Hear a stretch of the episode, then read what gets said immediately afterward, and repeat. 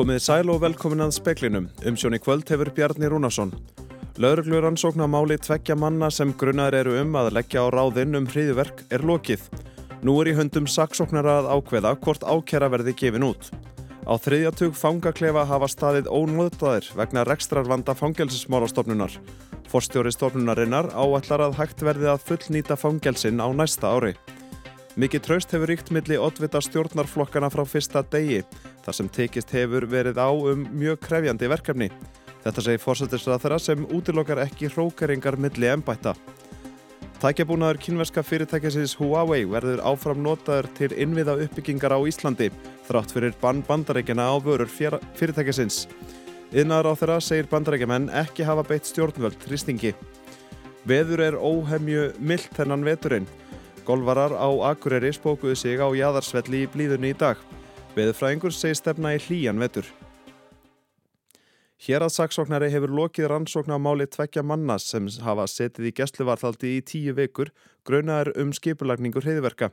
Það kemur nú í hlut saksóknara að taka ákverðun um hvort þeir verði ákjærðir.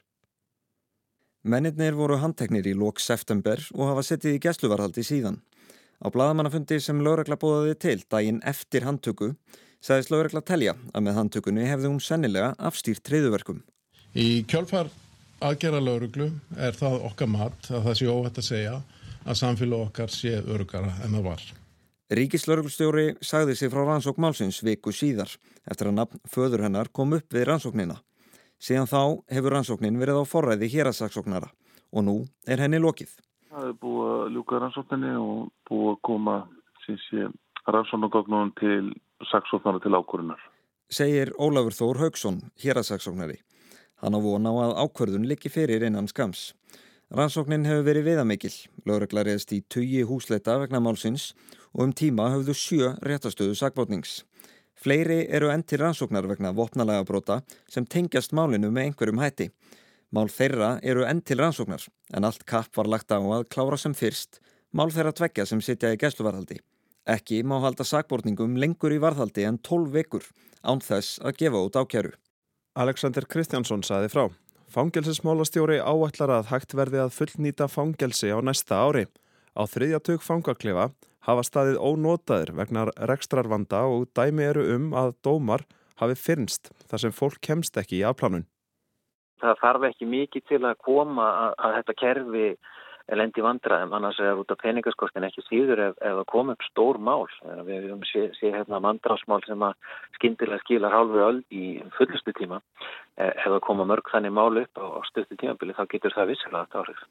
Segir Pál Vingel, fóstjóri fangelsismála stofnunar. Rúmlega 300 manns er á bygglist eftir að komast í afplánun, þar af 279 karlar. Frá áspyrjun 2020 hafa 64 óskilorspundnir dómar finnst vegna skorts á fangilsisplási. Þetta eru aðalega minni áttar mál, vægarefsingar, umfyrirlega brot og annað slíkt. Við forgangsverðum minni fangilsin, þannig að þessi stærri mál eru alltaf í forgangi og fólk sem heldur á frambrjótas er, er búið aðeins. Fjárveitingar til fangelsismála aukast um 250 miljónir króna á næsta ári samkvæmt breytingatölu við fjárlög sem fjármálaráþur að lagði fram á mánudag Pál segir að þetta dugi til að auka nýtingu út næsta ár.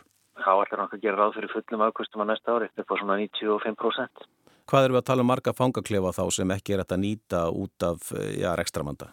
Já, það, það, bara hefur, það er mjög misjant. Þetta hafa verið svona 20-30 klefar. Við erum heldina með 177 pláss til ráðstöfunar og í venilega árferði dugi það. Saði Pál Vingal, hörsköldur Kári Skram tók saman. Forsættisráþara segir mikið traust hafa ríkt millir oddvita ríkistjórnarinnar frá fyrsta degi en fimm ári eru í dag frá því að til þessa samstarfs var stopnað. Hún útlökar ekki hrókeringar millir ennbætta. Varaformaður framsóknar hefur fulla trú á að stjórnarflokkarnir klári kjörtímabilið. Þá var ennþá í gangi heimsfaraldur og þegar sótarnar ástunum var létt tók við innrás rúsa í Ukrænu þannig að við erum nú búin að vera í svona að takast á við getum við sagt mjög óvenjulega tíma og þetta hefur að sjálfsögðu haft áhrif hér heima þó áhrifin séu vestastríðuna sjálfsögðu fyrir íbúi Úkrænu þá eru þetta áhrifin hér heima uh, verðbólka og breyttar fórsendur í efnahagslífinu sem auðvitað er krefjand að takast á við. Ríkir mikið tröstmilli og oddvita stjórnarflokkana? Já, það er algjörlega óbreytt frá fyrsta degi að það ríkir mikið tröst. Sér þið fyrir því að verði frekar í hrókeringar á milli embætta, milli ráþara á þessu kjörtíðanbili? Ég útiloka það ekki. Þetta stjórnarsamstarf er mjög farsælt. Þetta er, þetta er stjórn, þetta er svona, hún æri sagt, að bæði, hún er, ég segi þetta, hún sé myndi frá miðjunni, frá miðjunni til vinstri og miðjunni til hægri. Ég held við sjáum það og bara, bara hvernig gengur uh, bæði í, í hagkerfinu og hvernig við höfum bara fjárfesta í heilbríðiskerfinu og mentakerfinu og í nýskopun og menningunni. Að við sjöum öll sátt, við hefum auðvitað aldrei uh, farið í, haldið þessu stjórnarsamstarfi áfram að við höfum haft umboð og það væri mikið tröst til formanna ríkistjórnarflokkana. Erstu Bjart sína á að því kláruðu þetta kjörtíðanbíl saman? Já, sjálfsög. Saði Lilja Alfredsdóttir og Katrin Jakobsdóttir á undan henni. Jóhanna Veiti Sjaldadóttir talaði við þær. Óvenjuleg hlýjindi eru nú á landinu. Undir venjulegum kringumstæðum væru akureyringar löngufarnir að mynda snjóskóplunar og vaksa skýðin. En þvert að móti eru tún viða yða græn og golvöllurinn að jæðri en opinn eins og Amanda Guðrún Bjarnandóttir fréttamaður kom staði í dag. Það er búið að vera alveg frábært sko. Þetta er bara suma dagur, hlýtt og notalegt. Nú fer maður bara heima og gerir lögabröðu eftir og hengir bjólusérið og fer svo bara aftur í golfa morgun. Ekkert síður að ég er svo svona en á sumrin? Öðruvísi, maður verður kannski stundum að aðlaga sig svona. Sögðu golvararnir Gunnar Gunnarsson, Ágústína Guðmundsdóttir og Stefán Jónsson í blíðunni fyrir norðan í dag. Við fjöllum meira um þessi óvinnilegu hlýðindi síðar í speklunum og í sjóasvettum sem eru klukkan nýju vegna útsendinga frá heimsmestramóti Karla í fótbolta. Rúmlega 70% sálfræðinga sem starfa á hilsugjastlu höfuborgarsvæðsins hafa íhugað að segja upp störfum síðustu sex mánuði. Þetta kemur fram í könnun sem löð var fyrir sálfræðinga hjá stopnuninni. Forstjóri hilsugjastlunar segir niðurstöðunar ferlegar. Mikil óánægja er meðal sálfræðingana með skipulagsbreyndingar sem ráðist var í fyrra á þessu ári. Starfsánægju könnun gefur afdráttarlösa mynd af afstöðu þeirra. Tæp 90% sögðu breytinganar hafa haft mjög slæm með að slæm áhrif á starfsanægju sína og rúmlega 80% töldu þær hafa rýrt gæði sálfræðiþjónustunar. Geða Dögg Einarstóttir, formaður félags sálfræðinga í heilsugjæslu, segir að mikilvægir þættir í starfsumhverfi þeirra hafi beðið nekki vegna breytingana. Hún óttast flóta úr starfinu. Ef að stjórn heilsugjæslunar bregst ekki við þessu áhyggjum okkar og þessari versnandi starfsánægu og, og bara áhyggjur starfandi sálfræðinga af þjónustinni er ég hrættum að fólk segi bara upp og að sálfræði þjónustan verði bara ekki starfandi. Rúm 70% sálfræðingana sögðust hafa íhugað að segja upp störfum að undanförnu. Ástæður sem oftast voru nefndar voru skortur á fagstjórum sálfræðinga, skortur á faglegum stuðningi, álag í starfi og erfitt starfsumhverfi, skortur á handleiðslu og fræðslu, launakjör og samskipti við framkvæmdastjórn. Óskar Reykdalsson er fórstjóri heilsugjæslunar. Það er mikill meilhutir sem lýsið í verið að hafa íhugað að segja upp störfum hreinlega að undanförnu. Já. Er það eitthvað sem að, að þið ótist að geti raungjast? Ja, það er auðvitað alveg ferlegt og við hérna, reynum að gera allt sem við getum til þess að það verði ekki. Þetta er alltaf erfitt að standa í breytingum og við erum nú samt að reyna að hugsa um hag stjórnstæðingan okkar. Segir Óskar Reykdalsson, Hafdís Helga Helgadóttir, tók saman. Ákvarðun bandarækjumanna um að banna vörur frá kínverskum tæknifyrirtækjum hefur ekki áhrif hér á landi að sögn ráþera. Á framverðatæki frá framleiðandanum Huawei notu til uppbyggingar innviða. Bandaríkjumenn bannuðu vöru frá Huawei og fjórum öðrum kínveskum tæknifyrirtækjum vegna grunnsum að þjóðaröryggi væri ógnað vegna njóstna. Tækjabúnað frá Huawei er algengur hér á landi og ein af uppistöðum 5G og fjarskipta innviða.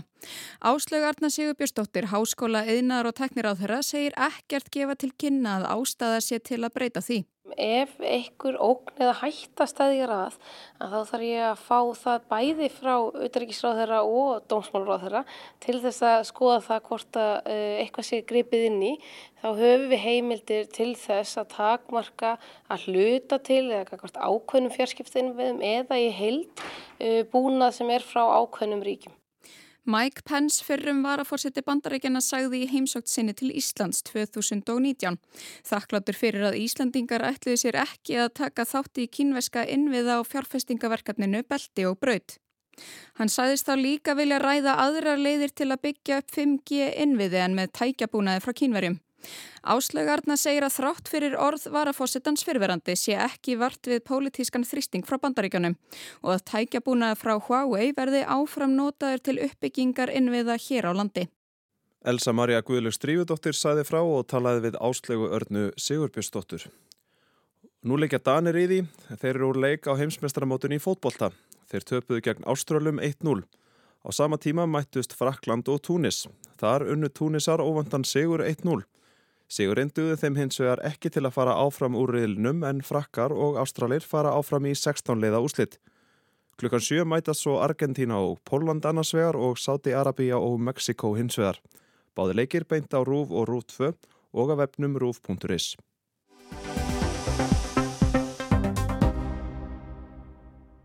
Það er ekki íkja margt sem bendir til þess að það sé fyrsti desember á morgun. Snjór hefur varðla sérst víðast hvar á landinu, það sem að veri vetri. Ef hann hefur fallið, hefur hann horfið til tölu að fljótt úr byggðhiðminsta. Hlýjendin hafa verið mikil og til að mynda var spáð að hiti færi yfir 13 steg á stöku stað Norðalands í morgun. Hér grýp ég niður í veðurspá frá því um miðjan júli. Það verða norðan og norðvestan 3-10 metrar á sekundu og regning með köplum á Norðurlandi í dag, en vestlægari og úrkomi lítið fyrir sunnan.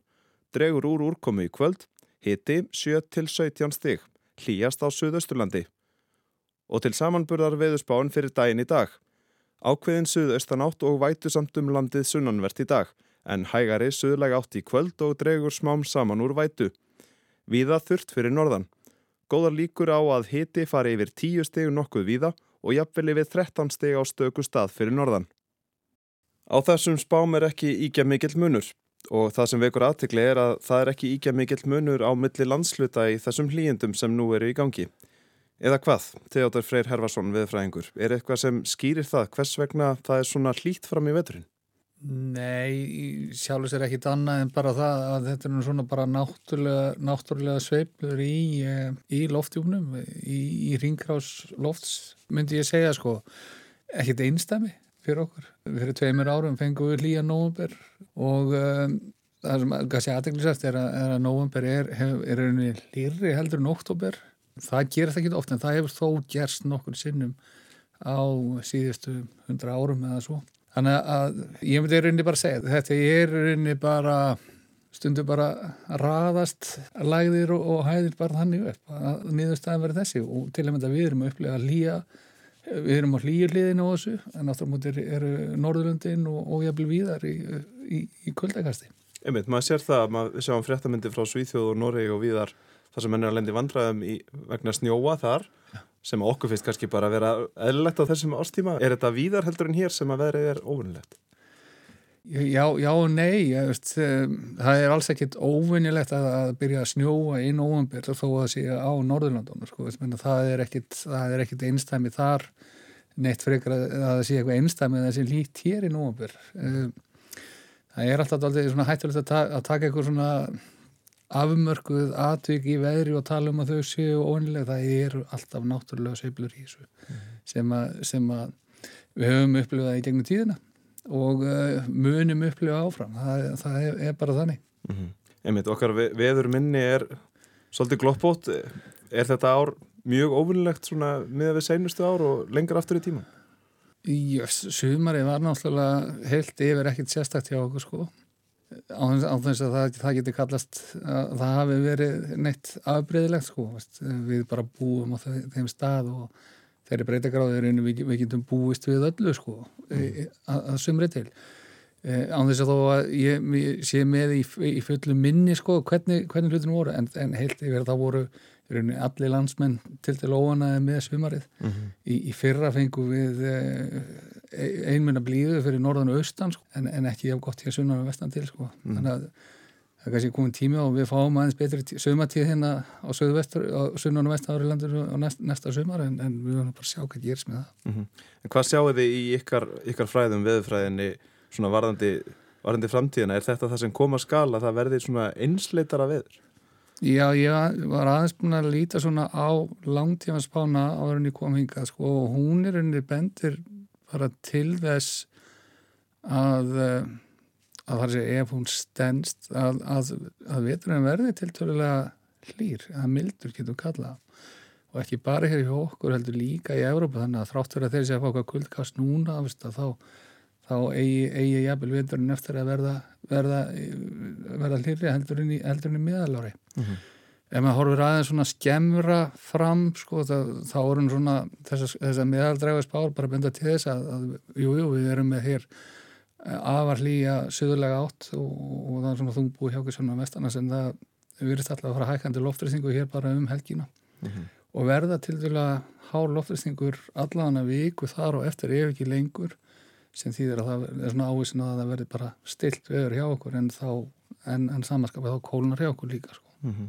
Það er líka annað sem mann er fyrst svolítið ofinnilegt núna að það er Það er oft svona munur á milli sko norðurhlutalandsins og, og sunnan og, og vestanlands að það er veturinn lengur að ganga í gard en þetta er, virðist þeirra svolítið bara einsleitt yfir landið að það er, er svipur líjandi allstaðar.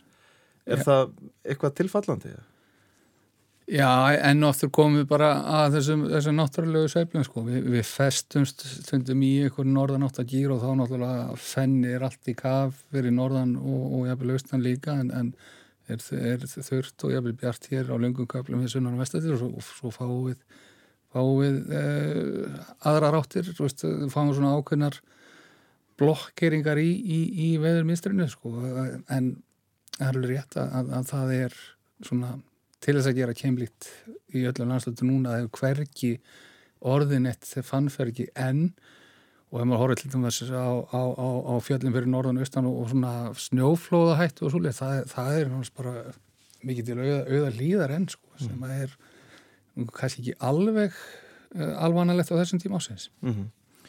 Það styrtist í jólun er þið eitthvað farin að sjá hvort það verður rauða kvítjól? Uh, ekkit annað en það veist, að langtímansbáðun er að spáðu í að DSBR og jábel uh, fyrsti áspjörnungur næsta ás verði hlýr mm -hmm. hlýri enn í miðalóri Við sjáum hvað setur Takk hjálpa fyrir spjallið Teodor Freyr Herfarsson við fræðingur Breytingar á flokkun og endurvinnslu kalla á að allir taki þátt, segir eigerður Margretardóttir, sérfræðingur sambans íslenskar sveitafélaga í umhverfis og úrgangsmálum og það eftir að koma betur í ljós hvaða áhrif kerfi sem tengir gjald og magn sorps hefur. Við höldum áfram umfjöllunum fjórflokkun sorps sem gengur í gard á höfuborgarsvæðinu um áramótin. Flokka verður sundur, lífrannan úrgang, pappir, plast og svo annað rösl. Þetta verða miklar og kerfispunnar breytingar, segir Eigerður og sveitarfélagin eru mislangt á veg komin að mæta þeim. Og það er í raun og veru kannski ekki beinfylgni á milli stærðera og hversu langt þau eru komin í einlega þessar breytingar. Þetta er náttúrulega mjög miklar og kerfispunnar breytingar og við gerðum könnun síðastlega sumar á svona ímsum þáttum með varða úrgangsstjórnum sveitafélaga að það komi ljósa að um þriðjungu sveitafélag að hafa í raunum enga starfsmann hjá sér sem sinnir þessu máluflokki sérstaklega. Þannig að það er mjög stórt hlutfall og það er enginn fylgn á milli starf sveitafélag og sem margir sinna þessu, hérna, þessu mikilvæga máluflokki. En ég held að sveitafélagin þau náttúrulega eru mjög stór og núna þegar að við sjáum fram á svona ákveðinar þrengingar í efnaðarsmálum og kjara viðræður í gangi og, og staðan kannski eitthvað erfiðara, þá verður auðvitað ákveðin áskorun að innlega þessar breytingar. Þetta verður aukinn kostnæði til skemmri tíma en það sem að við erum að horfa á til lengri tíma að til dæmis breytingar er varða innheimtu í tengslu við svo kallar borga þeirra hendirkerfi að þeir geta skila sér í hagraðingu til lengri tíma það er eitt sem er mikilvægt í þessu samki. Nú tekur þetta gildi núna um áramótin þessi nýju lög. Eru sveitastjórnir og sveitastjórnar fulltrúar, eru þeir að fullu meðvitaður um hversu stórt skref þetta er? Ég held að, að þeirra viðþórt til þessar breytingar sé mjög gott og við fáum mikið af fyrirspurnum til sambansins um þessa innlegginga en ég held einhvern veginn að þeir séu eins og bara allir aðrir eh, hérna að meðtaka hvað þessar breytingar í raun og veru þýða. Eh, þetta er náttúrulega ekki bara sveitafélagin sem að eiga að hérna, innlega þessar miklu kjærsbreytingar, heldur þarf að, atvinnulífið að spila þetta með, almenningur og, og fleiri aðilar. Þannig að það er bara eh, mjög mikilvægt að, að allir vinni saman að þeim og sveitafélagin er í raun og veru kannski bara eitt púsli í þessari stóru kjærsbreytingar sem þarf að eiga sér stað og ég held að sveitarstofnafyrirtrúar sé bara mjög til í þetta stóra verkefni Þú talaður um að svona til skemmri tíma þá myndi þetta ja, koma við pingjuna. Hvernig kemur þetta við pingjuna hjá almenningi, hjá mér og þér? Já, þegar að lögin taka gildi núna um áramáttin að þá á að innlega sérst svo kallar borga þeirra hendur kerfi. Í dag innhemta flest sveitafélög sorpurðu gjald eða gjald fyrir meðlun úrgáð sem eitt fast gjald sem sveiplast ekki eftir í hversu mikil úrgáð lætur frá því. En borga þeirra hendur snýra því að þeir sem að kasta minni úrgangi frá sér borga minna og það er á að vera svona hagrætt kvati til þess að ívinna þeim sem að eru að flokka mjög vel, eru ekki að skila frá sér miklum úrgangi þannig að, að það er mjög svona, hefur verið sínt síðan í nágrannlundum okkar, er mjög gott tól til þess að lámar úrgang og til þess að auka endurvinnslu og endurnótkunn. Þannig að við erum mjög svona spennt að sjá hvaða áhrif þessi nýja innhemta hefur á bara allt kerfið í heilsinni. Hvernig er þetta unnið í praxis? Hvernig er þetta fylgjast með hvað hver og einn hendir? Stóra myndin er þannig að, að það er eftir að innnemta í takt við sem sagt bara þyngt að vikta úrgangin sem að fellur til frá heimilum eða á sopninastöðum en það er líka eftir að innnemta í takt við sem sagt rúmmál og Reykjavíkuborg hefur einhver liti innleitt þá aðferðafræði að takt við rúmmál þannig að semst er greitt eftir fjölda og tegund íláta og þú getur semst minkað ílátið þitt og, og minkað þá í raun og veru þann kostnað sem þú berð af eh, sorpurði við heimilið og við erum svona, erum að núna í tilhörnaverkefni sem að við köllum borga þeirra hendir hraðallin eh, með Grímsnes og Grafnisrepp og Ísafjörðabæ þar sem við erum að skoða þessa leið sem sagt um að nýta þá rýmisleiðina með við rúmmál úrgangsins við innhemtuna og innhemta í gegnum álagningakerfi HMS sem að sveitafélagin hafa hingað til eh, nota til þess að innhemta uh, þetta fasta gjald uh, hingað til. Fólk í fjölbíli, fjölbílishúsum, hvernig er þetta að finna út hvað hver og einn hendir þar?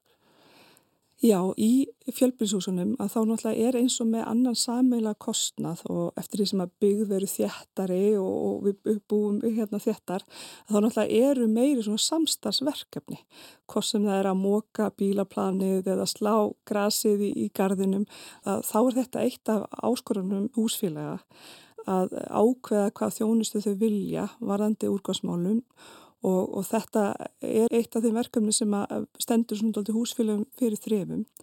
Ég veit að það er núna farið að stað eh, með, með umhverfstofnun, samstagsverkefni, sveitafélagana og atvinnulífsins að, að vera með samrænt fræðslefni þannig að húsfélag og allir almenningu getur nálgast þessar upplýsingar, þessar breytingar og kynnt sér þær og þá er hægt að taka þær svona ákvarðanir á úsfundum um þær ákvarðanir sem þarf að taka varðandi borga þeirra hendar innheimtu og hversu mörg ílátt húsfélagi þarf hafi sorgkjumslunum og ymsleitt annað. En það eru náttúrulega líka til tæknilusnir sem að eru, að ég best veit ekki, hafa ekki verið að fullu innleitir hérlendis. Það sem að húsfélag geta verið með íláta sem er hægt að telja hversu oft íbúi, hver íbúi fer með úrgangin í eitthvað ákveð ílát og svo les og slíku búna er mjög þekktur í nákvæmlandum okkar. Eflust verður einhver stór húsfjölu að skoða slíka lausnir hjá sér en það er kannski tóttir svona framtíðinarlega ljós hvað veður niðurstöðan í því. Eigerður að, að lokum að sama tíma ári, ertu vongóð um að þessa nýju reglur sem að taka núna gildum áramótin að fólk spili að heilum hug með? Ég ætla að lefa mér að vera bjassin og ég finn hjá mörgum mjög mikla eftirvæntingu fyrir þessum breytingum. Margir hafa kalla eftir meiri samræmingu í sorpyrðu yfir landið allt og, og, og mjög margir er mjög tilbúnir í þessar breytingar. Eh, við verðum auðvitað bara að sjá hvernig eh, hlutinni spílast næsta ári og, og kannski svona setni hluta næsta ár þá sjáum við hvernig þessi innlegin gengur. En ég er auðvitað bara bjassin. Saði eigerður Margretardóttir, Kristján Sigurjónsson rætti við hana.